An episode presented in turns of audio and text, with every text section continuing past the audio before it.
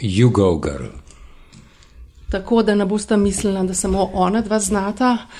Uh, to je bil edini anglicizem danes, ker danes bomo govorili lepo, danes bomo govorili valovsko. Uh, valovskim načinu podajanja uh, vsebin. In pogovarjali se bomo o legendarnem programu, s katerim smo odraščali, s katerim je odraščala naša generacija. Val 202 nas je oblikoval in mi smo ga sooblikovali s kolegi in kolegicami, s katerimi danes sedim za tole mizo. Eden je medtem že stopil v drek. Um, Dober dan. Skratka, tako se je začel.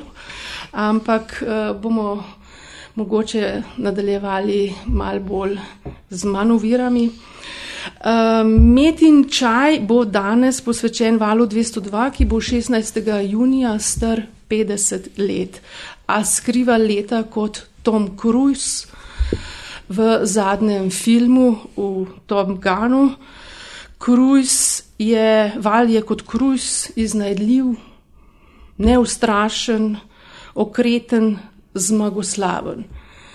Uh, preživel je hladna, nervozna 70-ta, viharna, aktivistična 80-ta, vojno za Slovenijo, preživel komercializacijo in odbijal od vodore full in cool v radijski jezik, doživel internete in prehod iz nagre na iPhone, prehod iz analognega na digitalno. Najprej pa bil Val 202 program, ki je magnetofonskemu traku odzel veljavo in je kot prvi začel oddajati v živo. Bil je tudi dom številnim legendam, od Marka Zorka, Marjana Jemrana, Darja Mirliča, Julke Vahn. Mije Škravac Arbana, Andreja Karolija, Nine Zagoričniki, uh, Meteornik, Danile Hradil Kuplen, Darje Groznik, Mile, uh, Mihe Šale, Harja, Ksenija Horvat, celo Joško Možina je bil tam, se mi zdi, za kratek čas.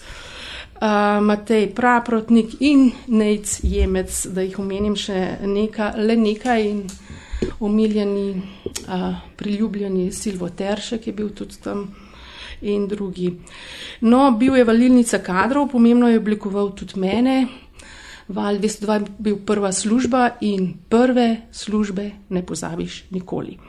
No, veliko veselje mi je, da danes v moji kuhinji lahko pozdravljam tri generacije valovcev, Mijoš Kravec Arbanas, mi je živijo. Živijo. Mojega kolega sopotnika, um, s katerim sva v bistvu istočasno odprla valovska vrata, Andrej Karoli. Še enkrat dober dan in Nec Jemec, ki je trenutno kapo di banda, odgovorni urednik Vala 202. Živijo. Hvala.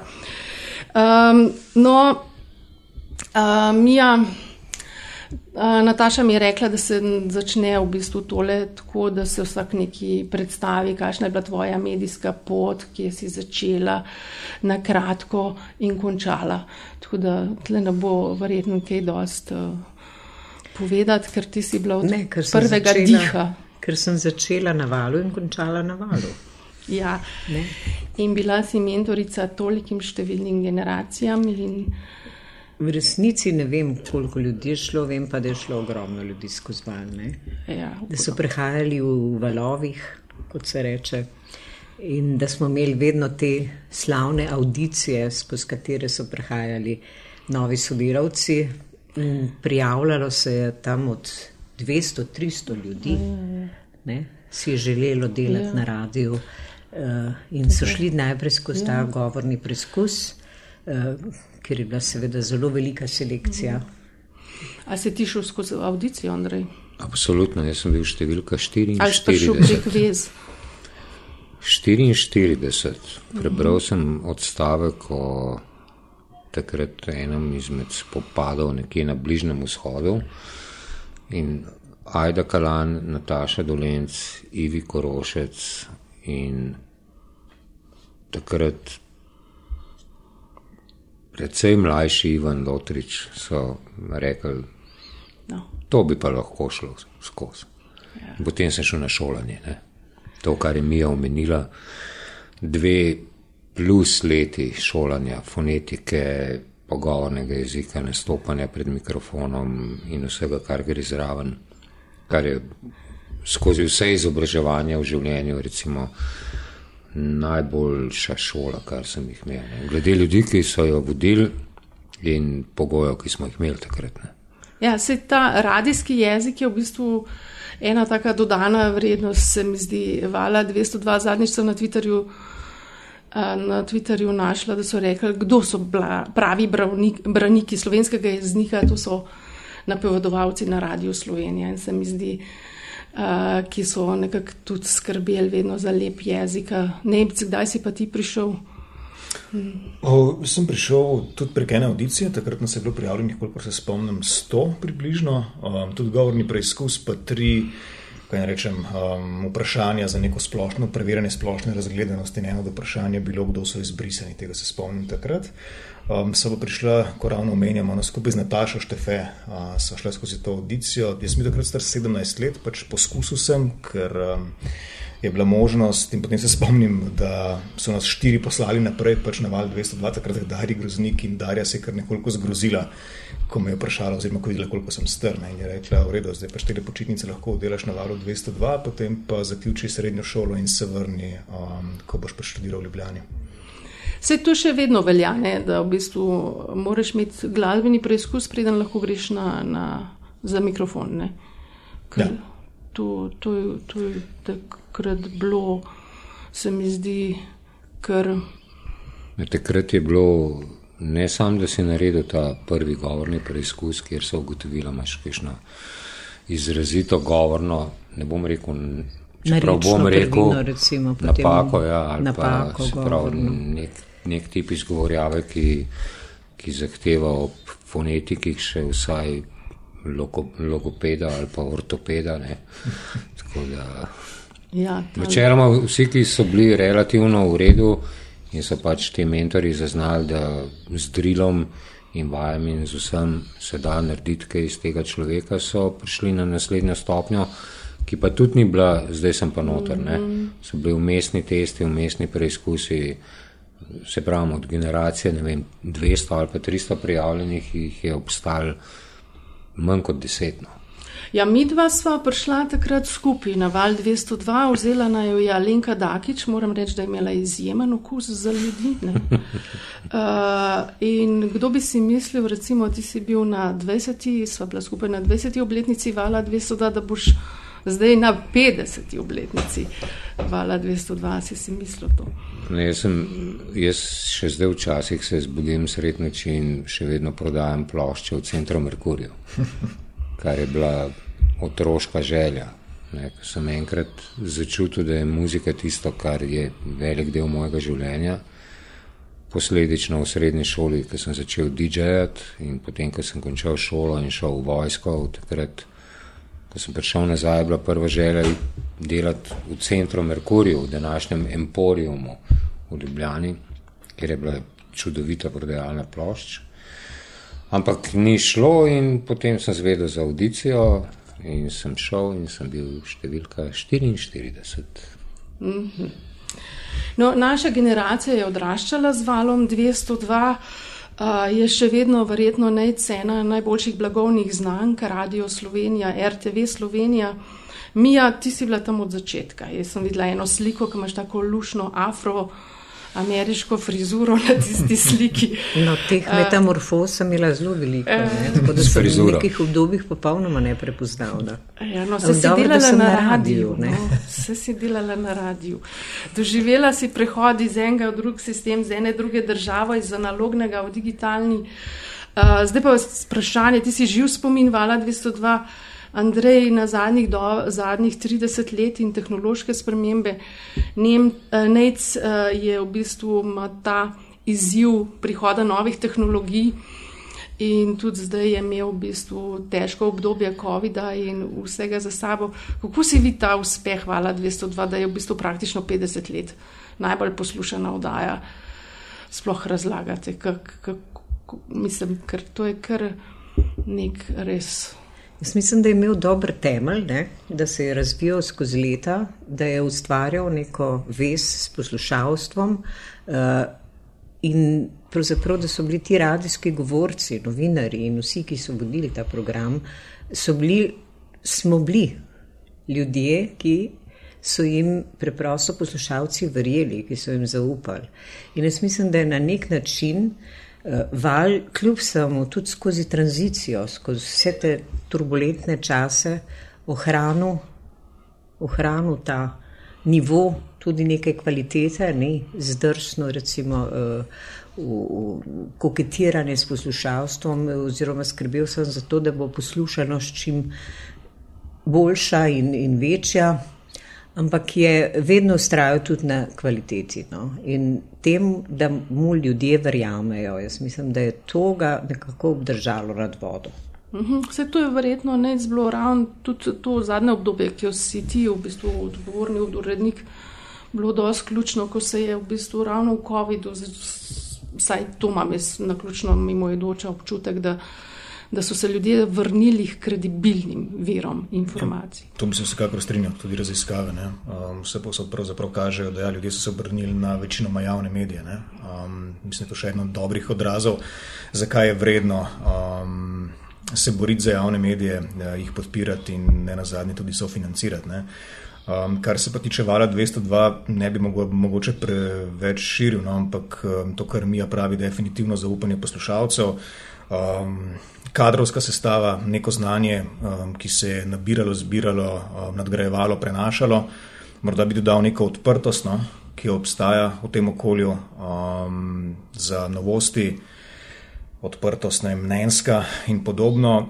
Z moje perspektive, zdaj mogoče se bo nekoliko suhoparno slišalo, no, se mi zdi pa res pomembna stvar, da um, vse, kar sem naštel, so na nek način že prvine tega, organizacijska kultura. Um, Mislim, da če poprašamo sodelavce vala, uh, kaj so, kdo so, bodo pač rekli valovci.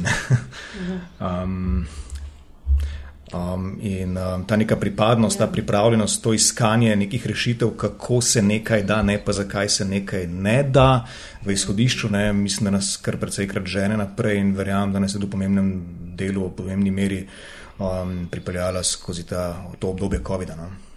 Ja, se ta lojalnost je res en tak tudi fenomen. Mene v bistvu vsak vpraša, ki sem začela kariero, jaz rečem, val 202, ne Radio Slovenija. Ne.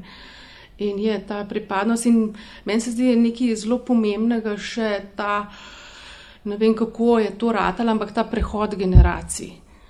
Da je valu izredno dobro uspel nek tak prehmehek prehod novih, starih obrazov. Imaš od Martinčiča do teh vaših mladih, Maruše, Kerec in Luke in, in ostalih, da, da, da je bila to ena taka sjajna zmes, da sem imel to v bistvu en dom Marka Zorka in Marjana Jermana. Ne.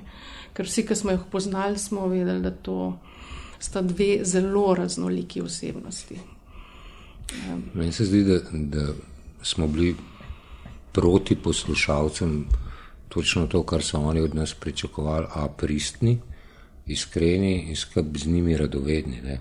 In tudi vsi ti preskoki, recimo, jaz sem radijska generacija, ko se, se pravi prelom soodvisnosti v neodvisnost, uh, ko se je začela ta ekspanzija zasebnih radijskih postaj ne. in tega je bilo ogromno, to je vsak mesec dve, tri nove usklile.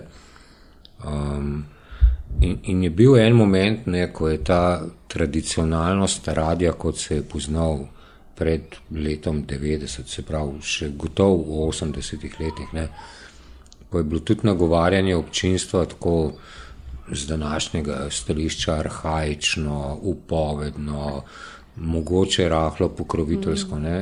Najna generacija je bila tista generacija, ki je po vsem šolanju, ki si ga moral dati skozi nekako načela. Uh, ja, na koncu dneva nekaj, kar se je zdelo pet let nazaj, pred tistim, ko je bilo prvič izgovorjeno nekaj groznega, ne, se pravi, tikati poslušalce, ki so sodelovali v programu. Ne. Jaz se živo spomnim, da. Ja, to si ti kar počel v popevki tedna. Ja, ne, ampak, ti si oče reči, popevke da, tedna. Ne, ne, ne, ne oče, popevke, o, oče popevke tedna v resnici je Robert Peresuti ne, bil, ko je bila ja. popevka tedna še popevka meseca. Ne. Ampak ja, potem smo Robert in jaz in pač vsi, ki so, so odgovarjali uh, via program, ugotovili, da ne moreš leta 93 zaiti po pevke meseca, ker se svet vrti sicer sedemkrat počasneje kot se danes. Ne. Se pravi, da mora biti to tedenska rubrika gor dol. In se živo spomnim, ko so ena izmed ne nujno prva oddaja, no, ampak pač ta, ta domačnost. In jaz, načeloma, sem se zadrževal pri vikanju. Ne. Ampak, ko, ko začutiš, da poslušalci želijo malo več pristnosti, ne, sem pač preklopil na, na tikanje in Kmalo zatem sem na režijskem oknu zagledal obraz, naj ostane neimenovana z odličnim spoštovanjem. Ne, je bilo. Zavijanje z očmi. Ne, bolje je bilo. Jaz nisem verjel, da ima človek tako gibljive vratne mišice, kot je bil tisti prizor. No, ampak s časom se je izkazalo, da ne, ve, absolutno ne, še danes, absolutno ne vedno in povsod ampak so momenti radijskega jedra, ki dopuščajo več te, ne bom domačijsko, mislim, da si lahko bolj navaden kot.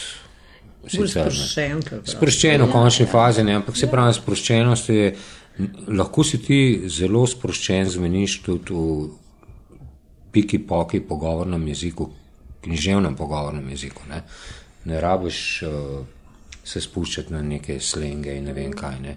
Lahko še vedno vodiš pogovor z rahlo višjo, z višjim nivojem pogovornega jezika kot recimo poslušalec. In, in tudi pri, pri, pri kontaktih recimo z gosti ne, je prišlo do nekih momentov ne, in še vedno jaz se čutim dolžan, če, bom, če vem, da bom nastopil sogovornikom, tako da se bo vatikala drug drugega, še vedno povem zakaj. In še vedno obstaja nek dvom, ne, a je prav ali ni, ampak potem se pa pač to razdeli, ne, iz kakšne oziroma katere branže prihaja sogovornik. Ne. Zdaj, če je to popularna kultura, je za vse bolj sprejemljivo, če je pa nek ja. strokovnjak ali pa karkoli, je pa, pa ni vprašanje, je pač vikanje in ker spoštovanje ne, do. do no, se tu so zdaj ti sodobni mediji, podcasti, ki tako vse na glavo postavili, ne. ampak dejansko bi bo val 202 prvi v teh novih. Nec, vprašanje za te, kako ti ločeš eh, staro valovca od novo valovca. A veš kako? Ne. Staro valovci ima... pride iz pritličja v prvo nadstropje. Ne veš, ne. Staro valovci imajo mal povešeno desno ramo, ker so nosili nago. In Mija bo povedala, kaj je to nagra, in mi gredi Andrej, ti sploh daj nagro nosu. Vedno, dokler so bile. A si ti daj kakšen žul na redu, to, to me vedno zanima. Misliš, košček rubrike, kje pa vaš čevelj žul? Kje pa vaš čevelj žul? Tudi to sem delal. Nec tega ni več, ne? Um, trenutno ne, ne. Um... A ni cela država žul. ja, trenutno ne. Kaj nagra? Nagra. Nagra je inštrument oziroma snemalna naprava, ročno izdelana v Švici. Ja. Grozno težka. Zelo težka, več kot 10 kg. In, uh, ampak izjemno sposobna in funkcionalna ne, naprava. Ti si malo prej rekla, da se kjer, mislim, da kjer še snemajo kakšne analogne mm. stvari, uh, še vedno uporabljajo nagro. Ne. Ampak to je bilo treba seveda posebej uh, na valu, uh, ker smo prvi začeli tudi z anketami, z menskimi stvarmi, si jo nosil okrog ja, ja. in spraševal ljudi ne, za razna mnenja, o, oziroma bolj bom rekla, to ankete niso bile ravno vedno mnenja. Ne.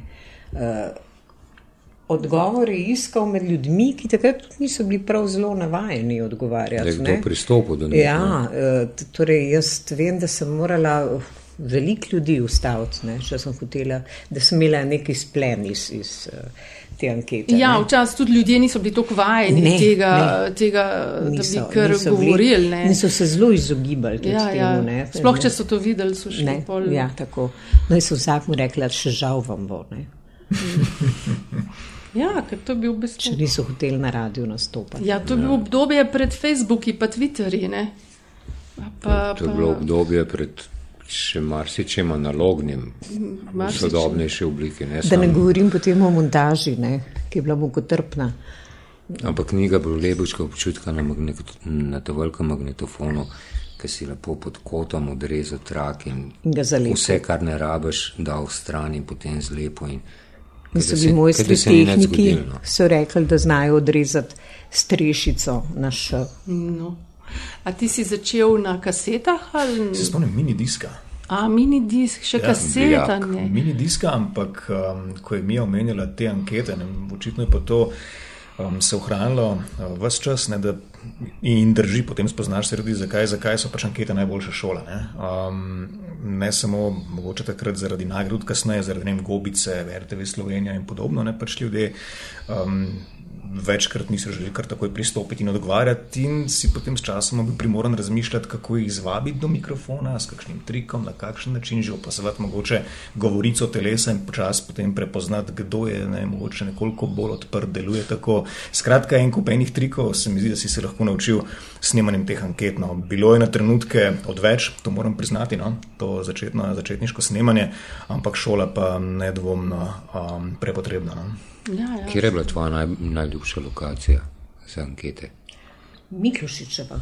Moja pasaža MGL. -ja. Ja, tudi. Eh, Mikl, po Miklošičevi so prihajali s avtobusne in železniške postaje in tam se je zvrstilo, niso bili samo ljubljančani, uh -huh. dobil si pač vseh vrst uh -huh. ljudi, ne, od vseh posod, premeteno, ja. uh -huh. uh, ampak najbolj uh, ljubko je pa bilo, ne, ko smo recimo sprašvali kakšno zelo preprosto vprašanje. Ne? In smo dobili recimo odgovor, uprostite, ampak nisem iz Ljubljane. Ta je vedno zmagal. Ta je vedno dobro. Mogoče nakupovalna središča, ker so ljudje z vozički počasnejši. Uprostite, kolega Jemec, nakupovalna središča v času nagre obstajala. Ja, ja. Kolega Jemec. Vozički prav prišli za nagro. Ne? Centrum Merkur, ja. Centrum Merkur, je bil, Centrum Merkur je bil takrat v, ja, v, v, v centru Ljubljane, to mislim, ni ničesar trenutno, kar bi lahko. A, a se ti še primerjal? Tipkal na pisalni stroj. Absolutno. Ja, no, Generacija, ki je prišla iz pisalnega na računalnike. Z mijo smo bili skrb na valu, ker zdaj po vseh teh letih ta zločin verjetno že zastaril. Mi da so bila tista generacija, vključno s tabo, ne, ja. da ne boš vas skočila. Ker smo začeli delati na računalnikih, ki jih je doniral kdo? Rdeči križ. Tako je. A v tistih letih, ko so prenavljali neki? Ne vem, naenkrat, naenkrat so se v pisarnah znašali računalniki, ki jih je doniral Rdeči križ. No, uh, valu 202 takrat in takrat se je znebil, ne, tako je. Se je znebil teh računalnikov in to so bili seveda najbolj preprosta zadeva, ki je nadomestila pisalne stroje. Ja, se, tam smo v bistvu imeli za pisalne ja. stroje. Tist. Pa spomnim se Jermana, ki je imel nek svoj program, ki živ boh ni razumel, kaj, v, v kakšne programe on tu piše. Mi dva smo bila isto v isti pisarni in nisem nikoli razumela. Moram pa reči, da sem jaz recimo, ne, Eh, pisalni stroj, mi sicer bil uh, tisto obdobje, smo pisali na pisalne stroje, ampak meni je bilo recimo te osnove, sem si vedno delala v rokopisu. Ja, ja, ja, ne? ja. Nekako mi je bil ja. bolj oseben, mm. kot pa tipkane, tipkan no. tekst. O čem za vraga govorite? Ja. Mi je ta papir listati še sam, ko sem, bil, ko sem delal kot voditelj na programu, sem si stvari pač zapisoval ja. tudi s kuljem in potem se mi je večkrat zgodilo, kaj, da nisem znal prebrati za seboj. Ja. Pa je bila Olimpija skozi državo. No, naj, naj, najbolj zanimiva izkušnja je pa, uh, ko sem na nekem terenu uh, pisala si, se pravi, ali ne je, ne, s penkalom, s črnilom.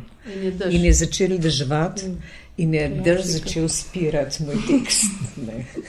No, to je odlična izkušnja, to, da se potem moraš znajti, da moraš kljub temu, da si pobrskati in se zbrati in povedati tisto, kar si se namenil. Se to sem vas želela v bistvu vprašati, kje so vaši uh, res imenitni kiksi uh, v, v vaši karieri. Um, recimo, Meni se je nič koliko krat zgodilo, da sem prišla, se zmenila za kakšen posnetek, pa pa prišla z ali brez kasete ali pa s fiženo kaseto nazaj. Ne. Jaz sem imela en ljubek uh, kiks, uh, ko sem gostila direktorja živalskega vrta. In je bil, uh, se, se ne spomnim, kako mislim, da je bil Vojko. In jaz sem ga vse čas uslavljala, gospod Vojko Vovk. Uh, in potem je seveda nekdo napisal na listek vesel. Torej, uh, se je rekla vesel Vovk. vesel Vovk. Uh, Pripričana, ker je bilo pač nomane stoman. Zakaj ne bi bil volk? Ja. V resnici bil pa vesel. No. Potem sem se ja. seveda upravičila. Ja, ampak... medveda, ne takrat. Ja. Ja. Ja. Ja. Rudi Medved je imel najboljše novice na valu 202 v zgodovini novic v človeštvu. On je imel dve novici, on je prišel ob vsaki uri na pol ure. To je bil Tomaš Medved. A je Tomaš, ja, Tomaš se pravi. No, ampak Tomaš smo že ravno v živalskem vrtu. Ne. Pa Tomaš Medved je imel najboljše novice na valu. On ima dve resni novici, potem jih je pa 17 milijonov umrlo. Ljudje so klicali, kaj za. Na kar je končno prišel do bistva te novice, ki je bila dolga, petkrat več kot prvi dve resni novici, da so nekje v Afriki, na nekem gradbišču, mravlišče našli. So šli prešteti te mravlje, približno. In, ampak vija, kik se in imena, moj Kar je mogoče tudi bil istočnica, da po vseh teh letih, vsakeč, ko se srečava, se rada vidiva in brez težav sodelujeva, je bila ena mojih prvih živih, se pravi, veliko stvari, prej smo začeli delati pred mikrofoni, smo imeli najprej obdobje, ko je moralo biti vse posneto. Prej so nas spustili, vsaj v tistem času, ko je bila šola zelo striktna. V glavnem, moj prvi ena prvih oddaj za založbo kaset in plošč in je bil gor, uh, mislim, je bil gost uh, Istok Mlakar.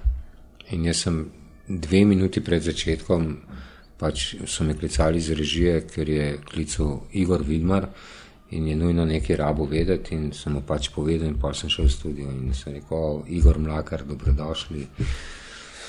Pa je bil tako malo tih, pa je rekel nekaj, vse, vse en, sam da veva, kdo sva. Ne? Tako da je bilo super. No. Mislim, ampak ta kiks, zdaj se ga tako že malo nostalgično veselo spominjam, pa takrat bi se pa najraje. Yeah. Takrat ne, se pa nare za. Ti nisi delal. Podobno, povezano z imeni, seveda, ampak mogoče ja. se meni bilo ja, dodatno narodno, ker šlo za sodelavce, seveda ne športnega uredništva. Kolegi pridejo v studio, um, odvoditi naval na šport, seveda ne in um, samo nadel drug primek, primek drugega sodelavca. Kdo, kdo, kdo? Ni pomembno, ampak veš in seveda kaj, se v smehu te potem popravi, ampak od takrat naprej si pa striktno pisal imena in ja. primke tonskega mojstra, glasbenega urednika, dežurnega Kolega in vseh kolegov iz športne redakcije, s katerimi sem bil v stiku. Jaz sem znal prodajati napačen datum, eno uro. Se ja. pravi, poprečju med šesto in sedmo, ne vem, ja. štirikrat ali pa petkrat rečeš uro, pa datum za ljudi, ki se ravno kar preklapljajo. Ne, Še recimo iz časov čekov, ko so na čeke morali datume pisati. Ne. Pa je bil datum relativno pomemben podatek. In sem lahko prodajal 23. maj, 12. junija z lahkoto, ne vem zakaj. Ampak... Jaz sem se pa v bistvu zelo veliko motila pri urah. Aha, ura tudi, ja. Joj, mislim, jaz, mislim, prva jutra meni res vsaka čast mi je, da ti mene nisi skinila jutra, ker ne vem, če sem kjero uro zadela.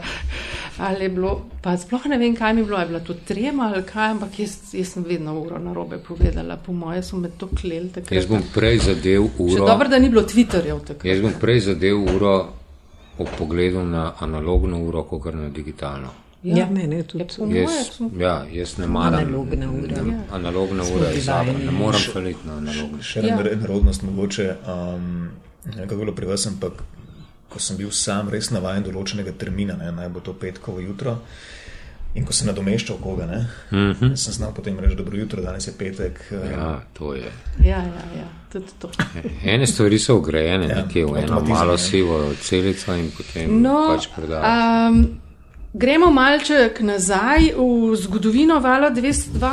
Um, kjer obdobje je bilo zate, Mija, res prelomno? Kjer obdobje bi rekla, da, te, da je bilo res te najbolj zaznamovalo? Ti si bila poleg Bojana Veselinoviča tudi glas vojne za Slovenijo, ko smo vsi sedeli pri tistih tranzistorjih in čakali na javljanje Marjana Jemrama in naših dopisnikov in tako naprej.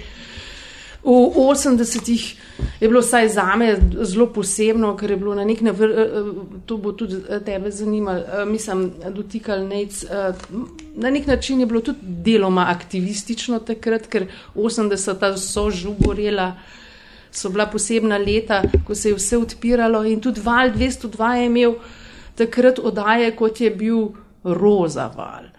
Val 202 je imel oddajo Mirovna gibanica, ki je ujela neko mirovniško gibanje, kjer so v bistvu bili vzorniki Luka Mesta in podobnih. No, ampak se moram vrniti na začetek sam. Ne? Eh, se pravi, prva ekipa Valovska, ne, ki je začela, to je kar bilo polno enega navdušenja. Ne? Ker pravzaprav nišče ni vedel, eh, tudi eh, tisti, ki so postavili ta, ta program ne, kot nek eksperiment v tistem času, najbrž niso čist verjeli v to, ne, se ne bo prav dolgo trajalo, ne, da jim poskusiti. Najprej je bil samo en pasus. Ne. Ja, ja, ja. Najprej je bila petek, sobota, nedelja, ne, po par ur programa. Uh, ki ste ga postavila Julka Vahano, ona je takrat izbrala tudi eh, Vilija Vodopivca kot svojega sodelavca. On je bil res radijski govorc, konferencije, eh, je znal sodelovati s poslušalci, mikrofon mu je bil domačne, eh, imel je pa tudi seveda en osebni in esprit, bom mhm. rekla. Ne, Nataša Dolenci je bila, ne? Prvi. Izjemno duhovit, ampak eh, Vil je bil prav eh, član uredništva, Nataša Dolenci je bila pa napovedovalka, ne, mm. ki je bila prva, ki je vodila ta program. Mm. Mm. Uh, In moram reči, da ta ekipa, ki se je zbrala tam ne, in potem je seveda navduševala tudi ostali del radija, eh, se pravi, na valu so takrat sodelovali, vsa uredništva so sodelovala, ne, od otroške redakcije, zunanje, politične, notranje. Eh, Udbe. Ja, nija, kaj to šlinga? Ne, ti veš, kaj to šlinga. Hm? Kdaj so jo ukinili? Nikoli. Oh, hitro hitro se ukilili. Jaz mislim, no, da so že tam. Ne, ne cela 70. Jaz mislim, da je že tam nekje 74. No, Bila je na čisto samem začetku, eh, ko je bil seveda ta, eh, hm, recimo, strah, no, previdnost, ne, da ne bi slučajno se kaj eh, neposvečenega znašlo v programu, ne, eh, so naredili neskončno, neskončni trak. Ne, ki je bil zanko. zanka, ki se je vrtela na magnetofonu In z zakasnitvijo smo poslušali, recimo, telefonski pogovor. Se bi kdo rekel dol s partijo, da bi en tam. Ja, bi ga odrezali. Bi ga odrezali. Bi ga odrezali. Uh mhm. -huh. Ampak koliko časa ste imeli, oziroma so imeli pa na voljo za to? 11 sekund. Ja, Skozi je, skos je bil zamik 11 sekund in si poslušal na slušalkah, si poslušal pogovor in si dal tehniku znak, kdaj ne gre v program. Uh mhm. -huh.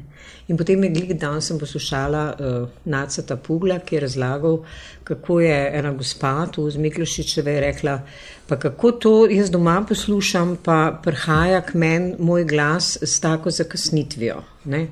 Kaj se dogaja, to nekaj ni v redu. Ne? In je potem en tehnik, ki je bil precej duhovit, ji pojasnil, da seveda mora iti najprej njen glas na pošto, pa potem spošte, seveda, še po ne vem kakšnih ovinkih do radia in to seveda povzroči tako po Miklošičevi in potem pride šele na radio in zato pride do te zakasnitve. Ampak recimo šlinga, ne, jaz, jaz imam pa čudovito izkuš, izkušnjo šlingo, ampak ne z vala oziroma ne z radia, ampak iz Amerike, iz uh, podelitve gremijev, ker je pa tudi drug varnostni aspekt, ne, če bi bilo karkoli narobe. Ne. In recimo, ko je, ko je ne vem, zdaj 2002-2003, ko je umrl en ameriški pevec Luther Vendros, so na greme jih naredili posvetilo njemu ne, in je Celine Dion pela skladbo Dance with My Father, Richard Marks, ki je napisal skladbo Igro klavir. Uh, neimenovani najemnik, delovna sila je pa Celine Dion dal v roke neprižgan mikrofon. In to vsi mi, ki smo bili tam v dvorani na produkciji, smo to videli. In je Celine bila tako v ene 4 sekunde, pa pol je bila riba. Ne, ampak prenos je pa, je pa že pela. Mm -hmm. In v teh 4 pa pol se, do 7 sekundah pač ja, je je prišlo do zamenjave mikrofona, off-air, ne, seveda. In je bilo vse tako, kot da ni nič. Tako da v bistvu, ja, mislim, da ste dve zgodbi o tej zanki. Ne. Ena je čist kot pomoč v primeru tehničnih težav, drug pa, ko gre zvok najprej na pošto. No, uh, nec, jaz sem prej malo menila, da bi v 80-ih deloma tudi že mal val aktivističen. Sem v bistvu zdaj nikoli ni bil val praktično z aktivizmom, politiko se ni ukvarjal. Kako hmm. jaz nekaj? Jaz sem gledal. No. Meni se pa zdi pomembno prevalo to, da je bil funkcionalen, da je imel odprto schemo, odprt koncept. Ne? Da je recimo vstopil v trenutku lahko v program in se odzval na neke stvari, ki so se izredne dogodke, recimo, mm. od uh, potresov, poplav, Črnobila, 11. septembra, uh, ne vem, kaj ne se še spomnim, recimo slave vremenske spremembe, potem, ja, tudi, ja med drugim. Potem, eh, recimo, vse ti dogodki v času, v času ko, ko smo se osamosvajali, ne, pa, pa začenši s Kosovim, pa, pa, uh, Kosovom, pa, pa se pravi s temi nemiri tam, pa vojno, pa. Ja, pa, Potem pa, ustanavljanjem uh, novih strank, pa vsega tega, to se je vse v bistvu vrvelo na valu in val se je lahko vse čas odzival na to. Mm. Ni, bilo, ni imel trdne, zakoličene scheme, ampak je recimo, kaj zvem, zgodil se 11. september, tisti prednost. Ja. Smo, smo šli v studio, že smo klicali nekoga, ki je lahko avtentično z kraja dogodka že poročal o tem. Ne? Takrat slučajno nismo imeli niti dopisnike v Ameriki. Ja. Ja. Ampak smo dobili vse mogoče naveze, kontakte, spravili in na nek način ljudem pokazali in bili. bili informativni, servisni. Se tako se je tudi vojna v bistvu. Ja. Vojna se je tudi delala na ta način. Se je na valovski način delala. Ker val je bil program, ki je lahko odreagiral na ta način. Ne? Prvi program seveda ni imel takrat. Ne imel vojna, ampak poročanje o vojni. Poročanje o vojni. Ja. Se pravi, ja. imel še vedno tisto togo schemo, ne? val je pa bil odprt, pa če je lahko vstopalo in je potem ta vzorc. Uh, obvladal recimo lahko vse te informacije, ki, ki, je, ki, ki so bile potrebne v tistem času. Ne? Jaz ne bi rekel, da je val aktivističen. Um, opisal bi ga z besedami, ki jih ne nazadnje uporabljamo, uporabljamo tudi za um, utemeljevanje programa pred programskimi svetniki, javnostjo in tako dalje. Um, menim, da je družbeno odgovoren, um, proaktiven, tudi mnenjski. Um, to tudi pomeni, da če se na področju politike dogaja kaj obdelave uh, vrednega, velja tudi za to področje, ne pa samo seveda za področje politike. Um, ne bi rekel, da je aktivističen, ne želimo biti sterilni. No? Um, in če pač v družbi obstajajo določena ravnanja sploh nosilcev uh, moči, ki jih je um, vredno in ki se jih da argumentirano um, kritizirati, ne? v želji po izboljšanju um, stvarnosti, menim, da je prav, da tudi javni radio to počne. Um, je pa res, da delujemo uh, v okviru um, javne radio televizije, kjer velja določen normativni okvir in večkrat ja, imamo kar takšne. Um, Zanimive, uh, verjamem pa, da na koncu konca tudi plodne debate v uredništvu, no, kaj na kakšen način, kako, kje je meja, dokam iti, uh, kakšna forma, s kakšnimi besedami in tako dalje. Um, tukaj pa ni enoznačnih odgovorov in verjamem, da se je vse v zadnjem obdobju, upam, da no, uh, izkazala, oziroma prišla do izraza ta širina, no, um, kadrovska širina znanja, izkušnje na zadnjih sodelavcev, um, kjer smo skozi debate potem prišli, verjamem, do nekega um, smiselnega no, uh, modusa delovanja. Mhm. Sej, a je bilo teh pritiskov zdaj, mislim, se to me zelo zanima, kako je bilo v bistvu delovati zdaj v teh specifičnih zadnjih dveh letih, ko je imela vlada nek poseben odnos do RTV-ja. Mm, Biti odgovorni urednik Hvala 202. Um, ni bilo enostavno, no, ampak najprej ni bilo enostavno zaradi COVID-a um, mm -hmm. v izhodišču. Ne. To je bila neka taka pač preizkušnja, um, na katero te nič um, ne more pripraviti. Ne. Tega si nismo niti zamišljati znali. No. Um, in tisto začetno obdobje je bilo zelo, zelo hektično na eni strani, na drugi strani je pa mm, neka pomiritev prišla, vse z moje perspektive, spet strani ekipe, no. vseh sodelavcev, za katerimi smo se bolj kot ne znašli in zavedali smo se, zavedali, da smo pač na istem čovnu in smo poskušali prilagajati, kot je mi je že prej namignila, seveda program zelo na hitro, situaciji in podobno. Ne. Kar se samih pritiskov drugih tiče, političnih, um, institucionalnih, um, mislim, da ni potrebe po nekem definiranju, no, kakšni pritiski vse obstajajo, uh, da ni nujno to samo vem, odpoved pogodbe ali kaj podobnega, ampak ja, tega sve ni bilo malo, vse spremljamo državna omrežja, um, ko nek nosilec moči nekaj izjavi, je to seveda precej drugače, kot pa ko to naredi, vem, Janez ali Milena, ne, um, oziroma ne vem, Peter ali Milena uh, in podobno. Ne. Skratka, tega ni manjkalo in uh, smo morali biti kar, um, kaj naj rečem, v zaodrju um, večkrat um, zelo proaktivni, um, razmišljajoči, taktni, um, spretni uh, in um, se mogoče na kakšno stvar vnaprej pripraviti, um, jo secirati, um, predebatirati, predvideti, kaj se vtegne zgoditi, da potem, ko je do tega prišlo, da nismo pač um, bili presenečeni. No. Čeprav Val 202 praktično je bilo razvedrilo, je bilo zabava, je bila glasba, imenitna glasba je bila satira. Ni bila pa vedno politika. Ne? Jaz se spomnim, pač Tatjana Pirc je uvedla to petkovo centrifugo, kjer se je pre, prežehtalo to politiko tedna, imeli smo osebnost leta, imeli smo veliko politike v času postavljanja prve vlade, eh, predvoljivnih oddaj. Eh, ni bila pa politika praktično v spredju na valu 202 nikoli, ker jaz se spomnim, da so nas celo izrivali. Mi, ja, ti se boš spomnil, ko smo delali s Tergo Ergo, so nas ukinali. Zaradi eh, zakona RTV-ju, potem je pa rekel eh, Zorko Pet v slovansko knjižnico, pa prepisuj slovenec in slovenski narod iz 1907. In sem jaz pridna štrebrca šla in sem prepisovala iz slovenskega naroda in slovenca in tam so bili liberalci in so bili klerikalci, se pravi, bila liberalna stranka in SLS stranka. In smo čist tekste iz 1907 v kampanju 1996 objavljali, a ni hudič, da se je en od politikov takrat prišel pritožiti, da kršimo zakon o RTV-ju. Ja, zakon je to veleval ne? in nas je seveda v časih, ko je bilo predvoljivne kampanje in časov, ko se je spreminjala, spreminjala oblast, takrat so seveda po defaultu ukinjali ne? Eh, odaje, ki bi eventualno lahko bile ne? nevarne ne vem komu. Eh, tako da smo Jaz sem sicer pisala takrat pritožbe, ne? ampak ni bilo kakšne posebnega haska od tega. Ste pa zdaj pokrivali tole kampanjo?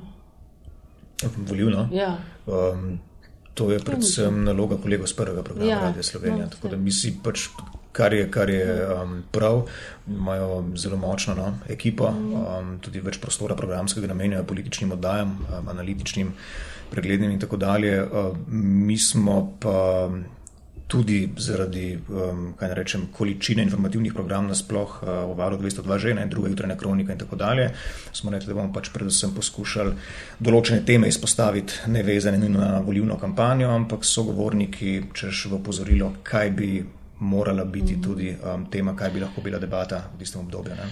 No, VL 202 je bil pa satira, ne? politika se je pa znašla v bistvu v programu preko satire. Mi bile so legendarne oddaje, kot je Moped Show, to je bil pač humorna oddaja in legendarna oddaja, kot je točno povdne, Stergo Ergo, pobudo za nje dala prav Mija.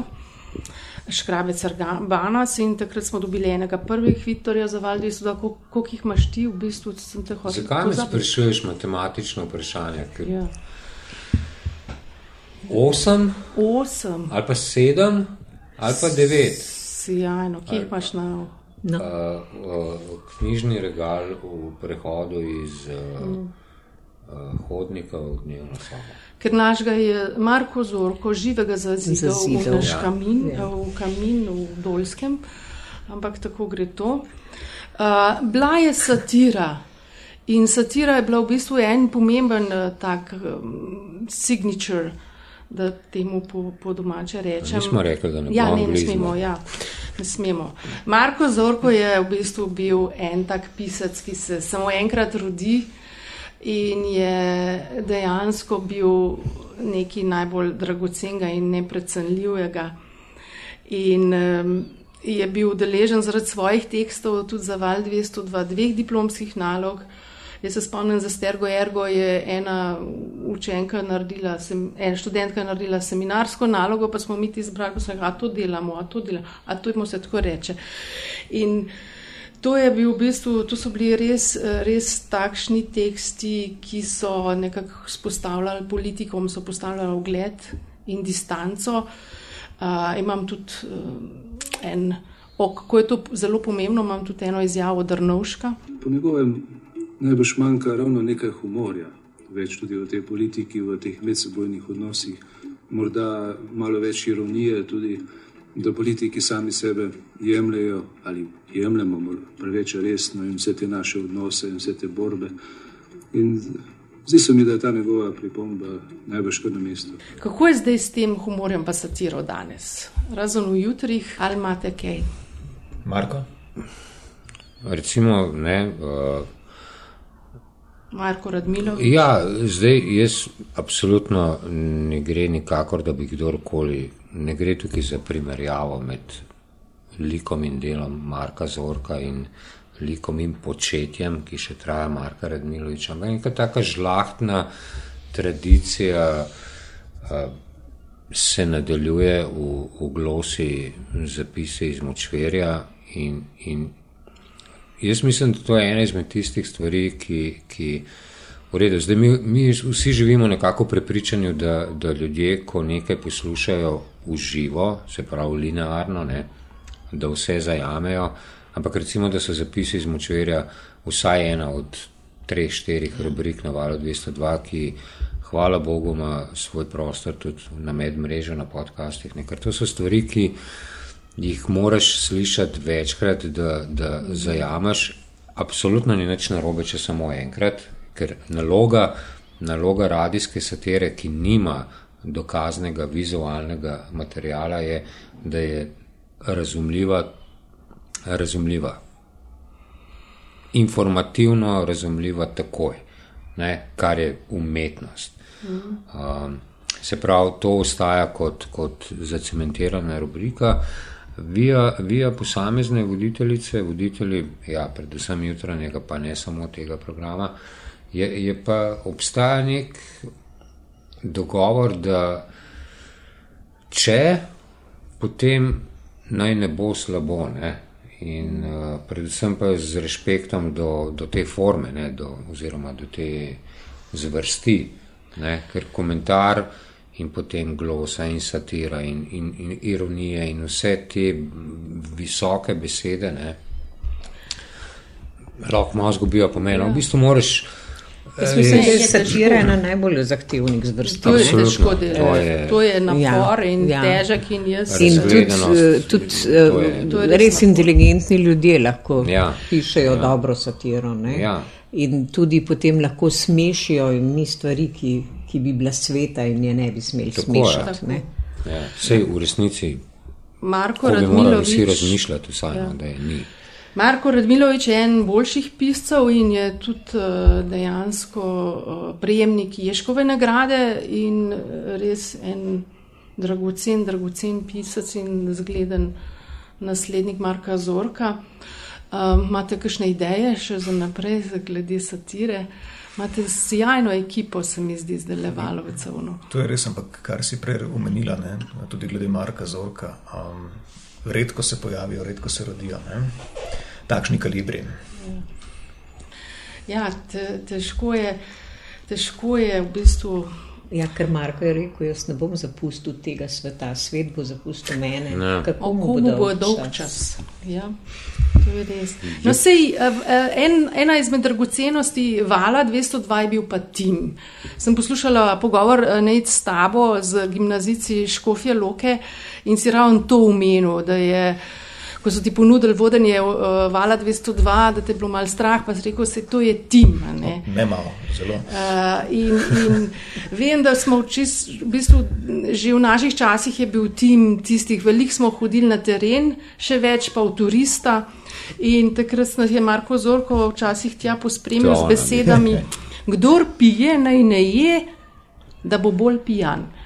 Ne, to je bil pač eh, Zorkov na svet. Imeli smo posebno sobo, uh, kjer se je veliko kadilo, tam smo imeli. Uh, Prislepi kuri. Ja, to smo rekli, da ne bomo. Kako je s temi tereni? Ker tereni so bili en tak team building, tu imate še. Ne, a veš, kaj so bili team buildingi? Mm ogledi terena. Ne, to pa res, to pa res. To je pa posebna postava. Mi smo šli enkrat štirikrat gledati kras. Ne, ogledi terena. Ne. Če prosim, če aktualno vodstvo javnega zavoda vzame v zakup, da teren se da narediti le tako, da greš ene tri dni prej na ja. ogled terena. Drži, mi smo imeli oddajo Krasni kras, uh, Helena Premrl, uh, meni se je Nina Zagoričnik, uh, jaz Ingrid se mi zdi. Uh, In smo šli ne trikrat iskati ti štanjel, ker je bilo res težko ga je bilo najti, smo mogli trikrat. Ampak je bilo super. No. Ampak, ko ste tretjič prišli, sem že vsi vedel, da je to težko ga je bilo najti. Ni bilo takrat še Garmina, no.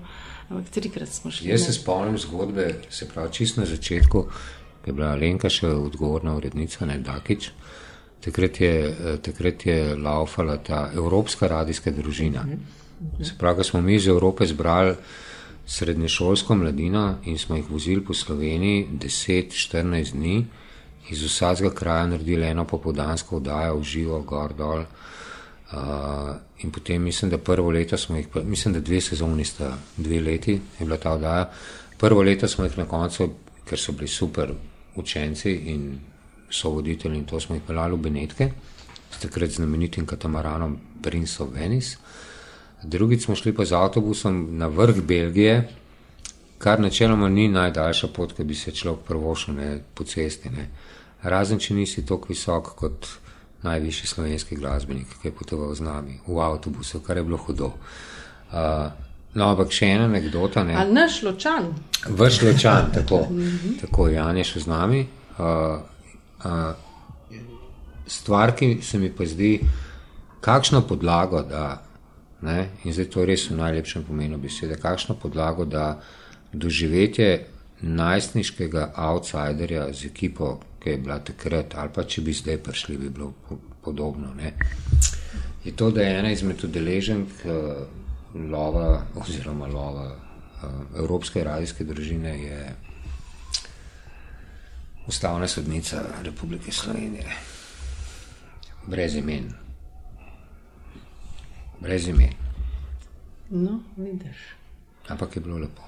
Mislim, se še vedno lepo. No. Ampak te terenske daje so res bile, ker v balu so vedno učitelj tudi mal te ljubljanskosti, ne preveč. Uh, No, se stik z, z ja. poslušalci je bil praktično ena izmed tistih dragocenosti, ker je ni bil to več samo enosmeren radio, ampak je praktično ljudi Ta dvosmernost je bila, se pravi, smo hodili. In prišel k vam na dom. Ja.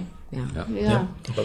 In tudi zelo pomembno, da je šla, vsaj na začetku, smo hodili s velikim reportažnim avtom, kompletna ekipa, se pravi, no, glasbeniki, špikari tehniki, novinari, uh, skratka, nas je bilo kar zajetno število. Kaj bi bivši premijer ja. rekel? Mm.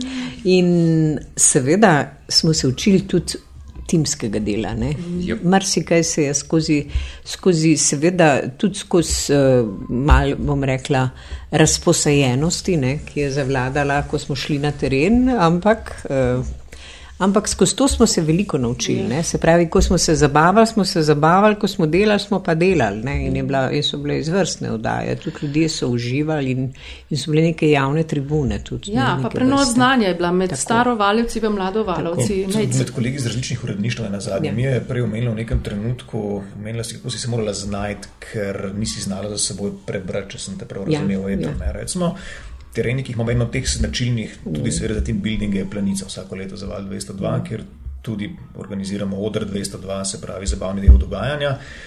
In tudi priložnost, da um, na teren pošljemo ja, mlajše sodelavce, uh, še študente, ki se tudi potem marsikdaj preizkusijo v vlogi športnega reporterja. Ne seveda nujno za prenos eh, samih poletov, ampak ja, za ankete med publiko, ankete v različnih jezikih, eh, živo javljanje in podobno. In to je res pomembna šola, ne dati neke spretnosti, ki jih sicer v studiu vseh pač ne bi moral, mo, mogel priučiti. Ne. Eh, Planica je eno teh terenov, olimpijske igre, nedavno s projektoma Peking in pa Tokio doma. Ena od pridobitev nedavnih na Radiu Slovenija ne samo kombi, zdaj imamo tovornjak. Ja, mi je rekla, da imate en frajerski tovornjak. Ja. Nekdaj, nekdaj, nekdaj last televizije, zdaj pa v naših. Da bomo loko prišli. Da, to je loko prišli. Ne vem, kakšna je nosilnost lokalne. Nimamo ve. Škofe loko na poroko. Škofe loko na, ne, težave, težave bi imeli. Gorica na pica. Smo šli, da sem že. No, pa pejmo na glasbo, Andrej. Am. Ti si začel uh, v času 90-ih, um, um, ko smo v bistvu še glasbene želje hodili dol na strakove, naročati in iskati. Uh mhm. -huh. Medtem so pa prihajale nove glasbene postaje, ko so klicali notar in tisti hip že dobili uh, glasbeno željo. Se spomniš? Se spomnim, ampak jaz, sem, jaz sem tudi zelo hitro ugotovil, da, da za takratne razmere je bil to manjši produkcijski trik na teh neimenovanih radijskih postajah. Ne. Uh, in še, še vedno veliko programa, ki ga slišimo linearno na komercialnih radijskih postajah, je predposnetka. Mhm. To je ni čisto zlato. Ampak ja, ja, glasbene želje, ki smo jih potem ukinili, ker kot je v zadnjih dveh letih bilo očitno, ne pač na moč muske zamenjati, zamenjaš narod, ne ali kako.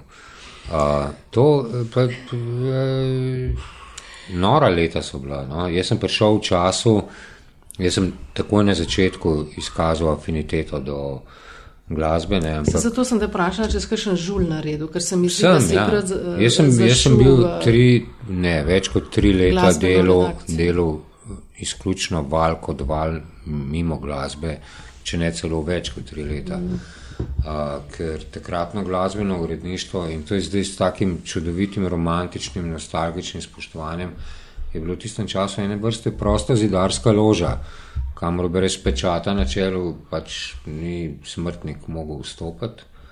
Ampak hkrati so te ljudje, ki so bili tako malo nad, so, ko so ugotovili, da nekdo dejansko, ne samo kar je muska, na musko se vsi spoznajo, ne, ampak ima dejansko afiniteto do glasbe, da kaj ve o njej, da se je pripravljen izučiti, da je pripravljen poslušati na svete, da se je pripravljen poglobiti v musko. Pol, ko so, ko so te enkrat odprli vrata, si bil njihov. Ne? In je pač ta izkušnja, ja, in pa sem bolj ali manj. Čeprav ne, točno to, kar valje že 50 let, ne, in bil voditelj, glasbeni urednik, snemal ankete, snemal žulje, hodil na terene, ne, pač ta, ta, radio, ne, znal montirati analogno na magnetofone, znal montirati digitalno, zdaj pač to je to. No. Ja, glasba je v bistvu pomemben del radia. Ne? Se to boš ti kot odgovorni urednik eh, vedel povedati, eh, koliko je uh, zdaj v bistvu razmerje uh, želeno, aktualno, a so še vedno bitke Karoli, Nejcemec. Ja, včasih smo se sicer bojevali bolj športniki, ne bitka Mija Škrabec, Zdare Milič, šport, aj treba vsako balinanje prenašati. Ne? Lahko nekaj, nekaj smo ti pustimo pod predpovedjo. ja.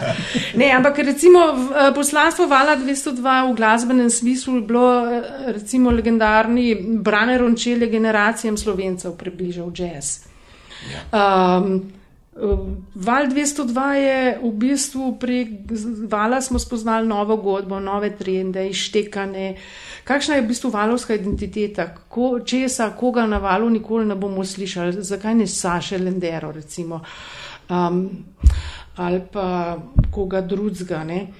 Um, Pa še nekaj sem se spomnila, ena boljših se mi zdela. Tudi, se mi zdi, koliko je šla po tvojem mnenju glasba, kvaliteta glasbe se razvijala, šla naprej, šla nazaj. Včasih so bile besedila, mojsterska dela, potem ste imeli eno akcijo, ki je bila meni nadimenitna, ko ste brali besedila.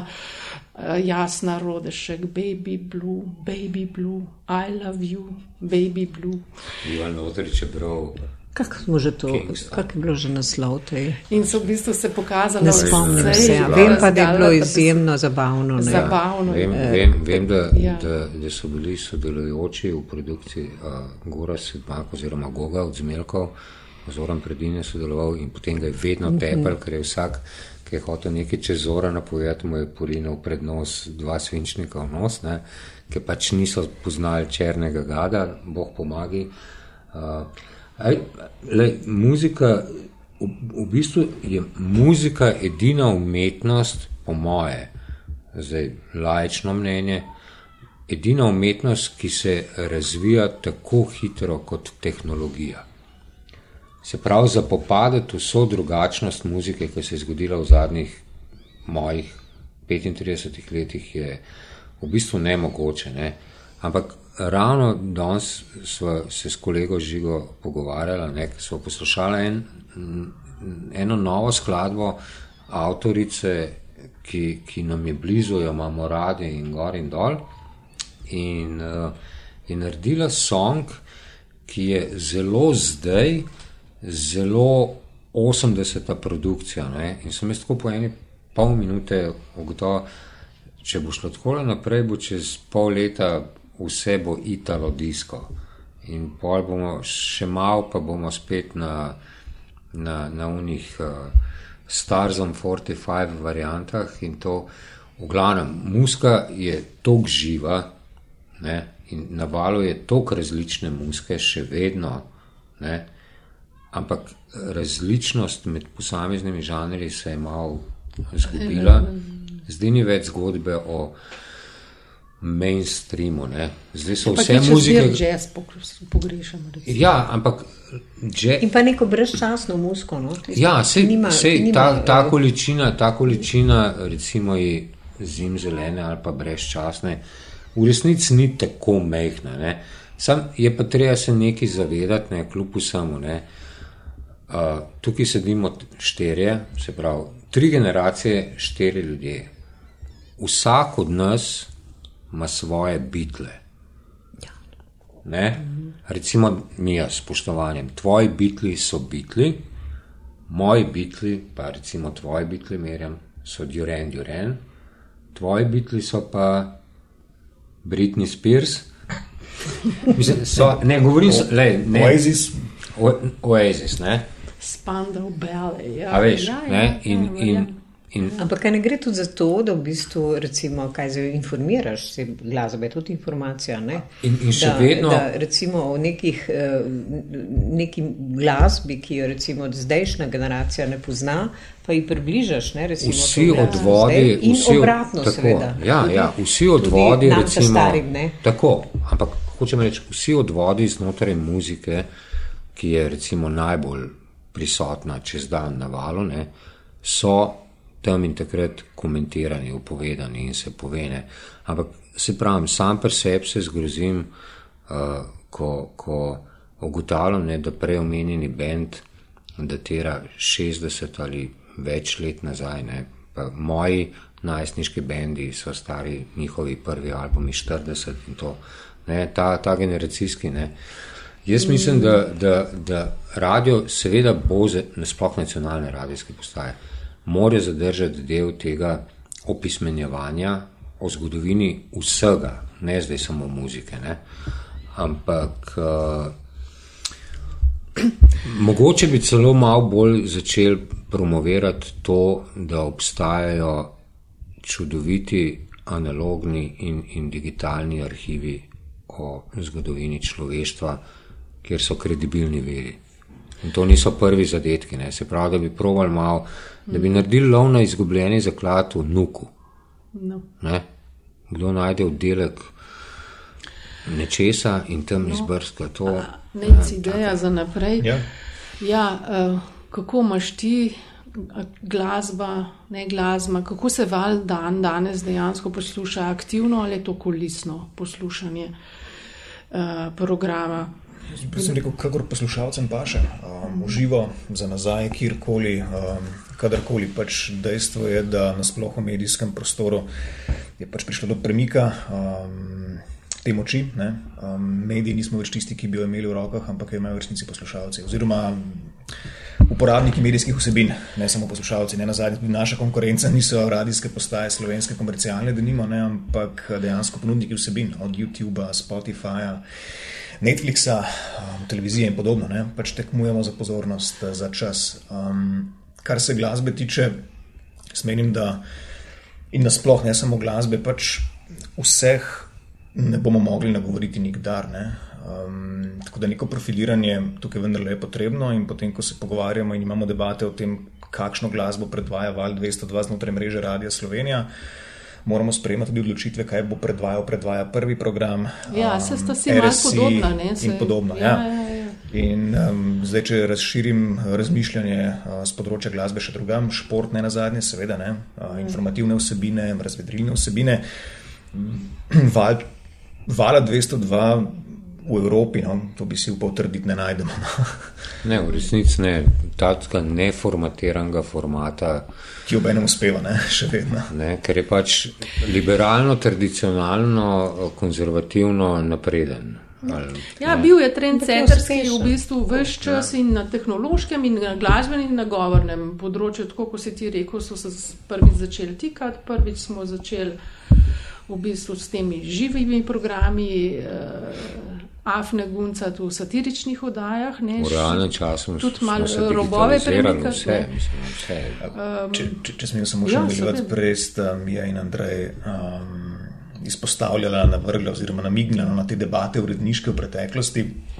Mislim, da do nekega premika je mogoče vendarli prišlo v zadnjih vem, dveh, treh letih. Absolutno smo bili spodbojeni tudi z okoličinami in govorim predvsem o koroni. Uh, to je mogoče še neka dodatna mera fleksibilnosti. Um, ko denimo uh, je ključni dogodek, uh, ki zanima večji del javnosti, ko so to olimpijske igre, program popolnoma prilagodimo, postanemo olimpijski radio. Um, ko uh, je to nek festival glasbeni, sprostimo program, kar se da in ponudimo pač mesto glasbi. Uh, ko se tako odločimo, je to znanost. Um, v četrtek, zdaj v času pred praznovanjem 50-letnice, od dopoldneva do popoldneva um, zanimivi pogovori s sogovorniki, izhajajoči iz frekvence X o znanosti. Skratka, mislim, da so sodelavci um, v največjem možnem delu to zapopadli no, in smo um, razumemo, oziroma obstaja neko precejšnje razumevanje med uredništvi, med sodelavci, um, kaj je v nekem trenutku pomembno in zakaj tisto dobi več pozornosti. Manj je v posameznih programskih pasovih, kako ne rečem, nekega mešetarjenja, no, nekega ja, pri, pop, iz popevke na kaj smo rekli prej, balinanje in podobno, občasno se zgodi, no, ampak eh, vendarle poskušamo pač postavljati neke prioritete z mislijo na poslušalca.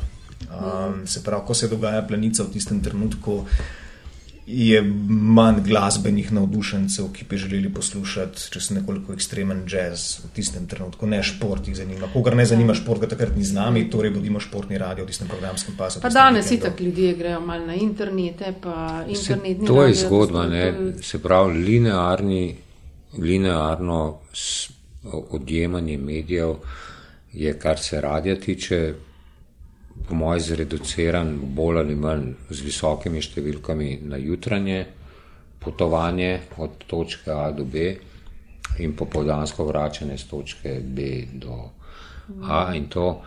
Ampak se pravi, jaz ne živim nekega ekstremnega življenja, ne? da bi imel grozen. Mislim, je drugačno. Ne, ampak, se skozi nekam potuješ. Že, ampak hočem reči, jaz na žalost ali pa srečo, recimo radijski dnevnik o pol sedmih, ga bom prej ujel kot recimo televizijskega ob sedmih. Še za odmeve oziroma večerne infoprograme televizijske nisem prepričan, da mi bo ob desetih ok ura. Tako da se zna zgoditi so dnevi, ko jaz vzamem vso to info dnevno produkcijo slovenskih medijev med pol enajsto zvečer in polnočjo na zahtevo. Ne? Ker enostavno. Ne? In, in s, tem, s tem in hočem reči, da absolutno bom vedno pristaš tega, da je v živo in ko slišiš nekaj, ko se je zgodil, ne, da je to nek poseben emocionalen in uporabniška, neka drugačna izkušnja, kot če gre za nazaj. No, ampak to, jaz tudi mislim, da recimo, to so bile tudi najboljše izdaje. Tega oh, programa. Ja, ja. Kadar, je, kadar je nek izreden dogodek, kadar so neki posebni dogodki in ta živost, ta prilagodljivost, čas je še vedno reakcijski videti, čas, ne, ki je pa edino in, in tu je prednost tega radia, ne, se ja. mi zdi in velik privilegij. Ne. In tukaj ne bom pristal, na, ne bom pristal na, na neka mnenja, ki na koncu dneva so samo mnenja, da, da recimo zdaj internet, govorim ne, ne toliko o resnih portalih, novičarskih ali karkoli, ne, ampak internet, kot ga dojema večina ljudi, se pravi Twitteri, Facebooki, Instagrami, TikToki in ne vem kaj, da tam prej dobiš informacijo o pomembnem dogodku, ki zadeva ogromno količino ljudi. Ja, prej dobiš, ampak to ni informacija. Ne. To je, to je hipni odziv posameznika, ki, ne, ja, seveda je izjema, ne, če je na, na, v epicentru potresa novina Radia Slovenija in to tvitne, ker bo hitreje tvitnil kot poklical na radio in bo šel v eter, ampak ne. Gremo počasi k koncu, ker uh, smo že stari ker nekateri morajo ja, iti celo vadec. um, Nina Zagoričnik je prejela neko eh, nagrado za življensko delo, tako kot tudi naša Mija. Eh, novinarskega ceha. Pred, v bistvu je kar velik teh nagrad, so prejeli valovci, Marko Radmilovič Ješkov, ti imaš milijon teh Viktorjev, um, tvoji kolegi v bistvu so bili uh, obdarjeni ali pa so pisci. Jaz sem zelo navdušen, da so valovci tudi pisci knjig, ne, avtori knjig, tako kot je Marko Radmilovič z menitno knjigo Kolesar, Miha Šalehar je že cel kup nekih knjig. Uh, Uh, izdal. Uh, Nina Zagoričnik je v pogovoru, ko je dobila to nagrado, rekla, da bi si rada želela priti čez 300 let nazaj in videti, kako se bo radio naz, uh, naprej razvijal. Uh, kakšen facelifting boste dali valu 202 zdaj in kako mislite, da bo radio čez, pa da ne rečemo 300 let, ampak čez rečemo 50 let, 20 let eh, izgledal. Ne? Bo to neka zmes videa? Uh, uh, nekaj moram priznati. No, um, v, v teh časih, v zadnjem obdobju, mislim, ne v zadnjem obdobju, ja, v, v teh mesecih, pravzaprav težko je razmišljati o prihodnosti, no? um, ker je toliko enih stvari, da smo bolj kot ne tukaj in zdaj. No? In v naslednjih tednih, mesecih projekti si presledijo, no? če ne težave oziroma izzivi. In je kar norišnica. Ampak, kadar se pač ostavimo, kadar imamo pač to priložnost, da debatiramo, smo mogoče celo spodbojeni mm, na kakšnih mednarodnih konferencah, pa jasno, ja, razmišljamo tudi o prihodnosti. Uh, Ne vem, kakšna bo, verjamem pa, da je ključno to, da pač radio uh, ohraniti svoje primerjalne prednosti. No? Da morda ne poskuša biti nekaj, kar ni. Se pravi, vprašati se je treba, kaj so ja, te primerjalne prednosti, kaj je ta moč radia. Nekaj odgovorov smo že navrgli, oziroma smo kar navrgli tekom tega, te debate, um, odnos s poslušalci, njihovo zaupanje, um, živost ja. tukaj in zdaj. Um, podcaste rekel, tudi delate, tu je samo forma, ampak vsebine pa vendarle v. Pa jaz mislim, da je tudi pomembno, kako in na kakšen način podajaš te vsebine. Se pravi, tudi uh, govorci, tisti, ki podajajo vsebine, morajo biti takšni, da jim ljudje verjamejo, da, da niso. Uh, Sej to je meni bil radio, ki je tako intimen. Ne? Jaz sem praktično, ko sem takrat delala, sem točno vedela, kdo je slabe vole. Da, uh, kolegica, ki je vodila jutro, da pa ni imela res lepe noči za sabo, ali pa Eh, kakšen, da je mogoče preveč ga biksal prejšnji večer. Mislim, vsak detalj si za to. To je res tak intimen medij. Zelo, zelo oseben. Ne? Zelo oseben.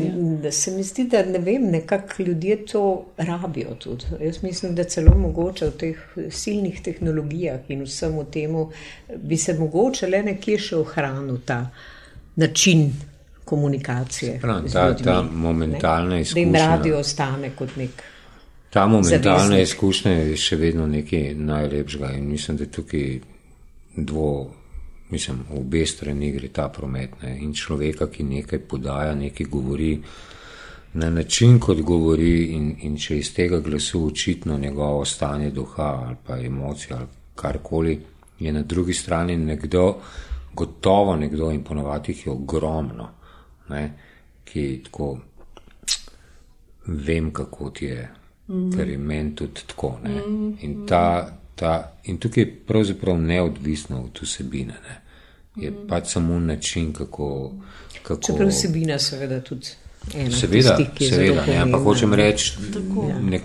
samo se pravi melodija, tonaliteta, karkoli glasu nekoga ne, ta interpretativna zmožnost vsebine, pol je to veš, pol cel paket. A veš, kaj mi je kolega Zanč rekel v službi, sem vprašala, če je Val 202 poslušala, pa so rekli tako, no, v avtu.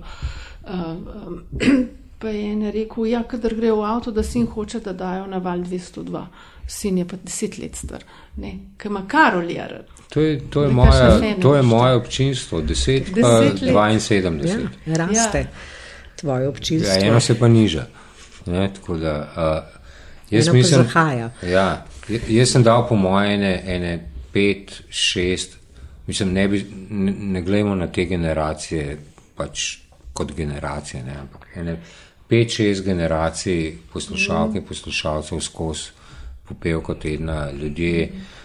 Eni, ki kličejo danes, tistih, ki se jih ti prvi ja, začel tikati. Vsaj otroci, no, če ja. že ne vnuki, ne. Uh, vmes so, so, so mi imenitni poslušalci umrli in jih pogrešam. In, in, in, ampak se pravim, ne, to, tudi to nekaj pomeni. Govorimo o daji, ne nujno samo osebne, ampak ta neka navezanost in pol medgeneracijsko podajanje. Le, ja, ne, ja, medgeneracijsko. Probi. Ne, val 202 je v bistvu val večjih generacij. Ne. Mi smo v bistvu z njim rastli, ga so oblikovali, sem to je dejansko radio, program večjih generacij. Uh, Dajmo počasi zaključiti, imate na koncu, imajo uh, te dva običajna voditelja metinega čaja neko navado, da vprašajo, če imaš kakšno zgodbo, ki jo želiš deliti z drugimi, uh, ki je še nikomu nis povedal. Nikoli ja. povedal. Ali pa no, vse vse v bistvu je samo enkrat bila povedana. Mm. Prej sem prišel danes, sem, sem stopil v rek. Lepo si parkiral, ne? Mija, kaj imaš ja. ti, na kjer vodajo si ti najbolj ponosna? Ti si v bistvu taka mentorica, motor sprememb, uh, motivatorka, uh, pobudnica tolikih oddaj in um, na kaj si najbolj no, ponosna? Razen na naštirtlale ali tri. Ja. Kar nekaj jih je in tudi na nekaj ljudi, ki so mi bili izjemno blizu. Drugač pa nimam nekih zamučanih zgodb. Ne? Sem precej odprta knjiga, kar se tega tiče. Bi pa rekla, ne vem, da se mogoče zadnje čase premalo smejemo. Da smo nekdaj na valu se zelo veliko smejali. Premalo se v tepihe zavijamo. No. To je pa zamovčana zgodba. To je zamovčana zgodba, pa ne bomo obnavljali. Ne. ne. ne. ne. Ne. Jaz bi sam začel zgodbo, ja. ne bi zaključil, vendarle. Um, na prvi teren, no, ko smo jih že prej omenjali, sem šel na obalo slovensko z Jermanom in z Martinčičem. In te konec to to. tega, in, kar je neč povedal, je to. to. ja. In uh, z Janezom sem se pa vozil nazaj in sem se zelo hitro vrnil v Ljubljano. Jaz sem že pa enkrat z Nino do Bleda samo enkrat. Jaz sem se pa z Darkom Klaričem vozila pre, čez Gorjance zreli vožnjo. No, zdaj, ko se bo pa začel, bomo pa končali. Zdaj, ko bojo pa začeli govoriti. To je ta znamka, vozim 202. Vozim 202, to se spomnim, je bilo, a je še zmer uh, avtoma val 202 na tablici. Ne. Ne, ne. ne, ne. Ker eh, prvo avto smo imeli eh, tablico uh -huh. val 202, pa je ne rekel, ja, vi ste pa kar tako tablico dali. Da, še, še v začetku smo imeli pa reportažni avto, črn kadet, Opel kadet je bil ne, in smo prišli, so vsi mislili, da je prišel mrliški avto. Ja. Dan uh, 202, koncert je razprodan, 16.6. v Križankah, uh, zabava bo velika. Ja, Mija Škravec Srbana, Andrej Karolin, Nejc Jemec, hvala, ker ste bili gosti Metine liste. Se vidimo kmalo spet na enih od teh uh, številnih zabav, ki jih imate zdaj. Val 202 je služba in družba, je institucija, razvedrilo, je radio, ki izgleda kot Tom Cruise, mladosten, agilen, drzen, pogumen v najlepših letih in je tam, ko ga najbolj rabiš. Uh, vse najboljše, valovke, valovci pa, bom, pa vse pozdravite, tiste, ki jih je za pozdraviti, ostale pa puste bolne. Včas rekel zor, kot da živijo. No? Hvala, da ste prišli. Ja, hvala. Hvala tudi tebi.